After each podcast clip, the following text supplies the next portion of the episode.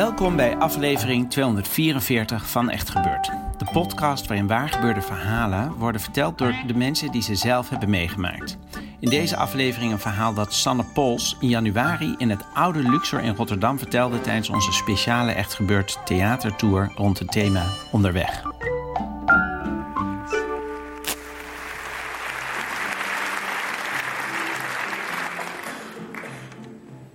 Ik was 20 jaar oud en het was hartje zomer in Brabant.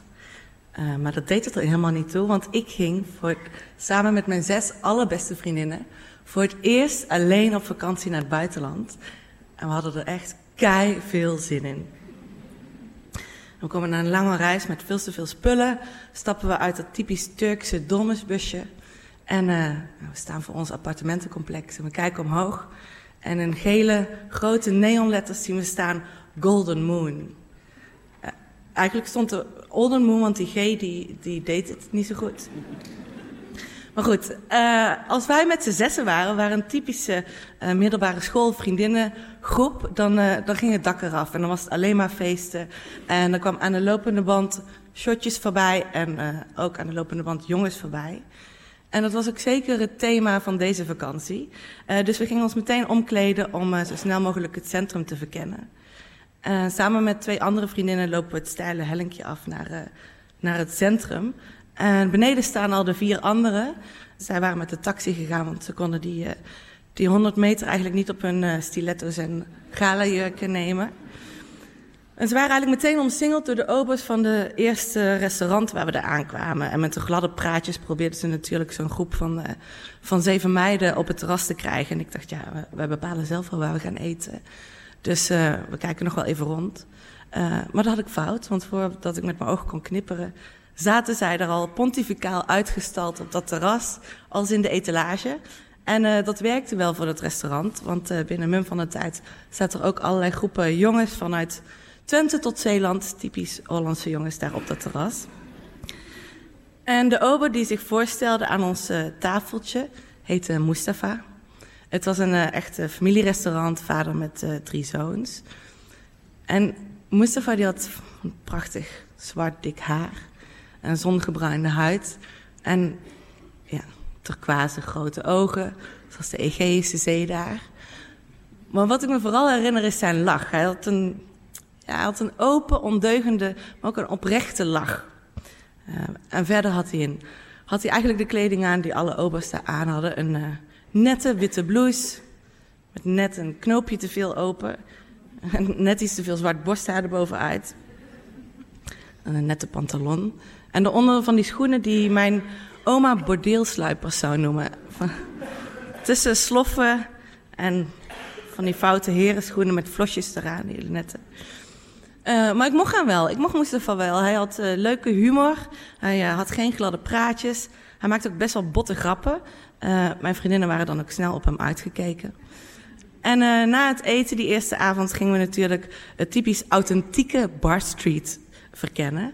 En om tot laat in de nacht daar, te dansen. En de volgende dag gingen we pas om vier uur aan het, het ja, toch wel verouderde zwembad van Golden Moon liggen. Om vervolgens avonds weer hetzelfde te herhalen en weer bij Mustafa te gaan eten. En ik merkte dat iedere dag ik meer uitkeek eigenlijk vooral naar dat avondeten en dan weer Mustafa te zien. En op de vierde dag um, gebeurde het dan ook eindelijk. Stiekem achter de wc, boven in het restaurant, zoenden we. En um, ja, met rode wangen, dan niet per se van de temperatuur, maar van die zoen daar kwam ik terug bij het tafeltje. En ja, wij kenden elkaar natuurlijk uh, super goed. Dus mijn vriendinnen hadden meteen door wat er was gebeurd. En uh, met een blij gezicht zat ik daar, maar ze reageerden eigenlijk helemaal niet zoals ik had verwacht. Ze zeiden, nou, uh, kijk maar uit met zo'n jongen. Dat weet je nooit, hè. De jongens hier die zijn allemaal hartstikke fout. En uh, ja, ik wist eigenlijk niks te zeggen. Een stuk, stopte gauw een stukje Turks brood in mijn mond. En s'avonds stonden we weer in diezelfde bar en ik verbaasde me wederom voor het tafereel dat iedere avond voor mijn neus afspeelde. Op de bar stonden namelijk drie meiden te dansen in korte rokjes. Uh, wanhopig waren ze aan het wachten tot de barman op de grote rode knop zou drukken. Dan ging er een alarm af in de club. Dan pakte hij een hoge luchtdrukspuit. En daarmee ging hij onder die rokjes van die meisjes spuiten. En die rokjes vlogen natuurlijk omhoog. En die meiden gingen dan heel onschuldig, gillend proberen een rokje naar beneden te doen. Terwijl ze net een half uur in de rij hebben gestaan om op die bar te kunnen dansen en het mee te maken. En links naast me zag ik over de dansvloer zag ik mijn vriendinnen staan, allemaal verspreid van elkaar uh, met hun tong een soort amandel- en keelonderzoek doen bij Nederlandse jongens waar ze in Brabant niet eens een hoofd voor uh, om zouden draaien. En ik uh, was een beetje aan het dromen over Mustafa totdat ik me heel erg betrapt voelde, want hij stond ineens voor mijn neus. En het eerste wat hij zei was: Let's get out of this hell. En ik dacht ja. Dus ik liep naar mijn vriendinnen toe en ik weet niet hoe ze dat deden. Ze stonden ineens ook allemaal bij elkaar. Zo'n orgaan waren wij. En ik zei van, ik wil even een rondje lopen met Mustafa. Nou, samen uit, samen thuis, hè? En ik dacht, ja. Uh, en bij de drempel zag ik uh, Mustafa staan en met zijn leuke lach zwaaiend. En uh, ja, ik kon het niet laten, dus ik rende naar hem toe en ik zei, ik ben zo terug. En eindelijk zag ik iets van dat dorpje. En eindelijk zag ik het strand en de zee. En uh, we zoenden op ieder hoekje en het was fantastisch. En met mijn hoofd in de wolken uh, verloor ik natuurlijk ieder begrip uh, van tijd. En uren later zaten we, kwamen we terug in het centrum en gingen we zitten op het muurtje van de fontein naast elkaar. En we zwegen een beetje. En voor me zag ik zo de helling die eigenlijk richting Golden Moon leidde. En aan de voet van die helling stond een hotel. En dat hotel kwam ik iedere dag langs. En uit dat hotel zag ik ook constant uh, Turkse mannetjes komen met aan hun arm uh, rood verbrande vrouwelijke toeristen. De, het was eigenlijk wel duidelijk dat je dan niet per se voor de hele nacht hoefde te betalen in dat hotel. En op dat moment kneep Mustafa in mijn hand en zei: Shall we? En ik knikte richting dat hotel. En ik dacht van, ja, hoewel ik er niet zo negatief tegenover stond met hem en wel nieuwsgierig was, dacht ik, ja, dat is vast niet een hotel waar we alleen elkaars handje vast gaan houden. Uh, maar vooral hoorde ik uh, de stem van mijn vriendinnen in mijn hoofd, die me waarschuwden voor hem. Dus ik dacht, wat, uh, wat als ik met hem meega? En wat als hij morgen niks meer tegen mij zegt? Wat vind ik daar dan van? en dan was er nog een dingetje wat ik aan het overwegen was. hoewel ik al twintig was, um, was ik ook nog maagd. En om nou in een hotel waar je per uur betaalt je maagdelijkheid te verliezen, dat vond ik niet zo'n heel goed verhaal. Nou, ja. Nou ja.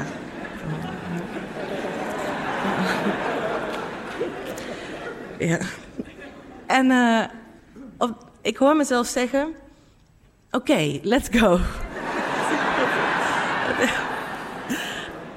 Dus we gingen naar dat hotel toe en um, vlak voordat we naar binnen liepen, zei hij nog wel even dat ik uh, moest zorgen dat de receptionist mijn gezicht niet zag. Dat was toch uh, beschamend. En ik ga een beetje achter hem staan als ze de sleutel krijgen en ik uh, blijf maar staren naar dat vaal rode tapijt wat overal door het hotel ligt. Wanneer hij de kamer openmaakt op twee hoog, slaat eigenlijk een soort van klap in mijn gezicht van de geur van chloor, zo heftig. En was in ieder geval wel schoon, dacht ik.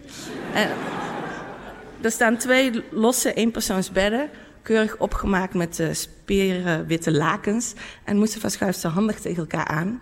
En uh, nou, we gaan liggen. En als van het een bijna het ander komt, zeg ik: uh, Mustafa, wait, I'm still a virgin. En um, hij kijkt me met een soort blik van ongeloof aan.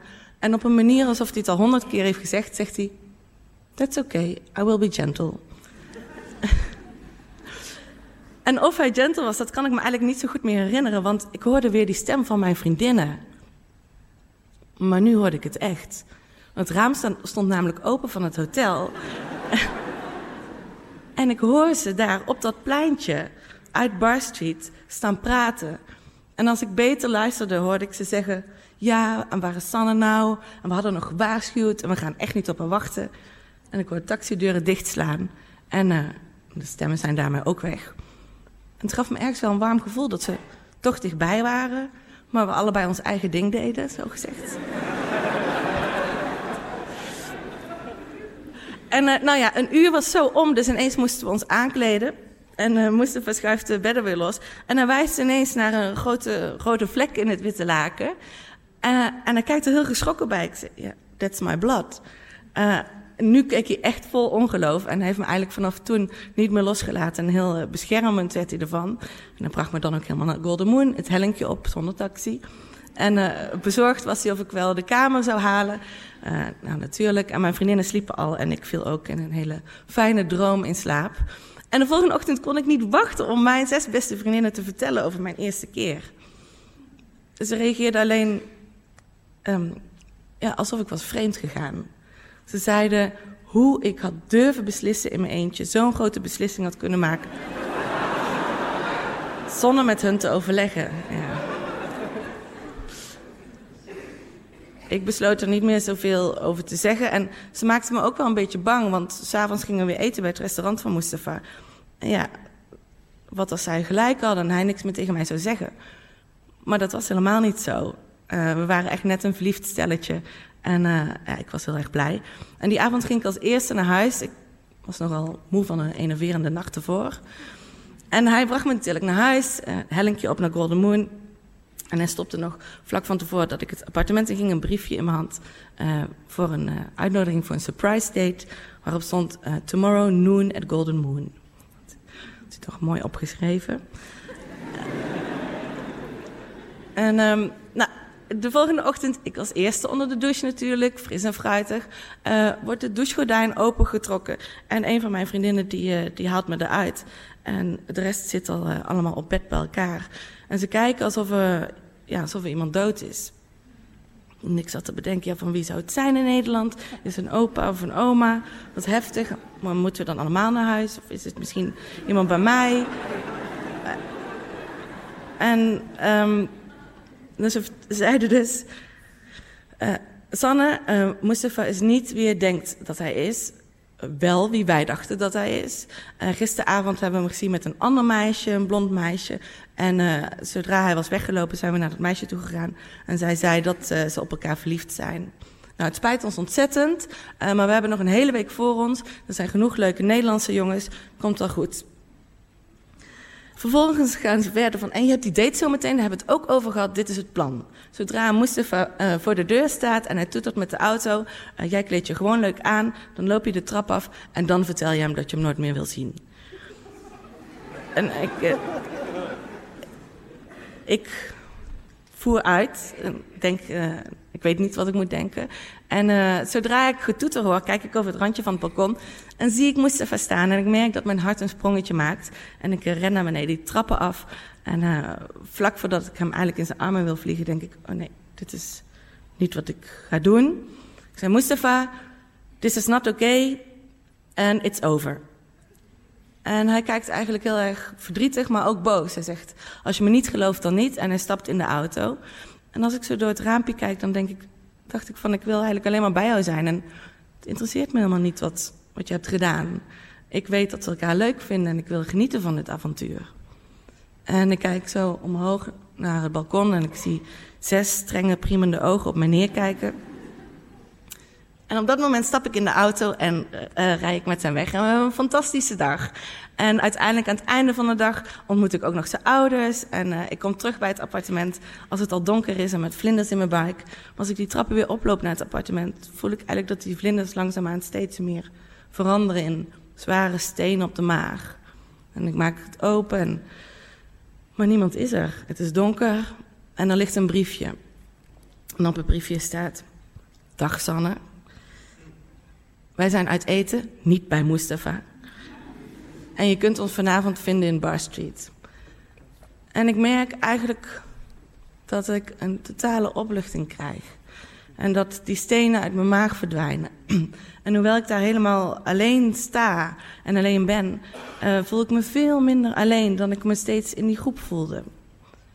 En de rest van de vakantie is eigenlijk zo. Ik, ze vragen niet meer of ik uh, dat, ik doe wat zij willen. Um, ik kan zelf beslissen. Zij gaan hun eigen gang. Ik verken het dorp. Je hebt dates met Mustafa. Soms sluit ik me aan bij mijn vriendinnen. Dan is Mustafa natuurlijk het verboden woord. En lach ik om dingen die ik helemaal niet grappig vind. En in het vliegtuig terug neem ik me voor om me nooit meer zo te conformeren aan een groep waar ik me niet bij thuis voel. Van die zes vriendinnen spreken op dit moment uh, precies nog nul. Dus dat is goed. En met Mustafa heb ik heel lang nog heel veel contact gehad. Ik ben twee keer naar hem toe teruggegaan. En dat was heel erg leuk. En altijd als ik uh, uitging in mijn eigen dorp waar ik vandaan kom in Brabant, dan had ik misschien s'avonds met een jongen gezoend in een café. En dan naar de hand ging ik op straat met Mustafa bellen. Maakten we rare grappen en vertelden we over hoe het leven was, maar nooit over wat er met anderen gebeurde. Want dat deed er niet toe. We hadden het gewoon leuk samen. En zo zie je eigenlijk maar weer dat je op één vakantie zowel je maagdelijkheid als je vriendinnen kan verliezen.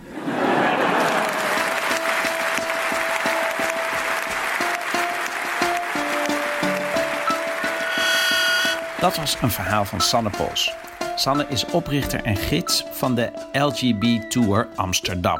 Een queer wandeling door het roze hart van Amsterdam. Deelnemers aan die tour kunnen al wandelend de LHBTQI-geschiedenis van de stad ontdekken. Sanne deelt daarbij haar persoonlijke verhalen en verbindt queers van over de hele wereld met elkaar. En dat doet ze op een bijzondere manier. Sanne kan, zoals je net gehoord hebt, heel mooi en persoonlijk vertellen. Zet de LGB Tour dus op je to-do-lijstje voor als we straks allemaal de stad weer in mogen. Sanne Pols is te vinden op Instagram, Sanne Pols. Bovendien is Sanne onlangs toegetreden tot de redactie van Echt Gebeurd. Al heeft die redactie voorlopig niet zoveel te doen, omdat onze komende verhalenvertelmiddagen zijn afgelast als gevolg van de coronacrisis. Maar deze ongewone tijd levert vast des te meer vreemde, spannende en andere waargebeurde verhalen op voor latere edities. Behalve uit Sander Pols bestaat de redactie van Echt Gebeurd uit Paulien Cornelissen, Rosa van Toledo, Maarten Westerveen en mijzelf, Micha Wertheim. Productie Eva Zwaving. Zaaltechniek voor deze aflevering Ilko Vellema. Podcast Gijsbert van der Wal. Dit was aflevering 244. Dank voor het luisteren en vergeet niet als je ooit een hele grote groep vriendinnen bij je hebt die het beste met je voor hebben, luister niet naar hun advies.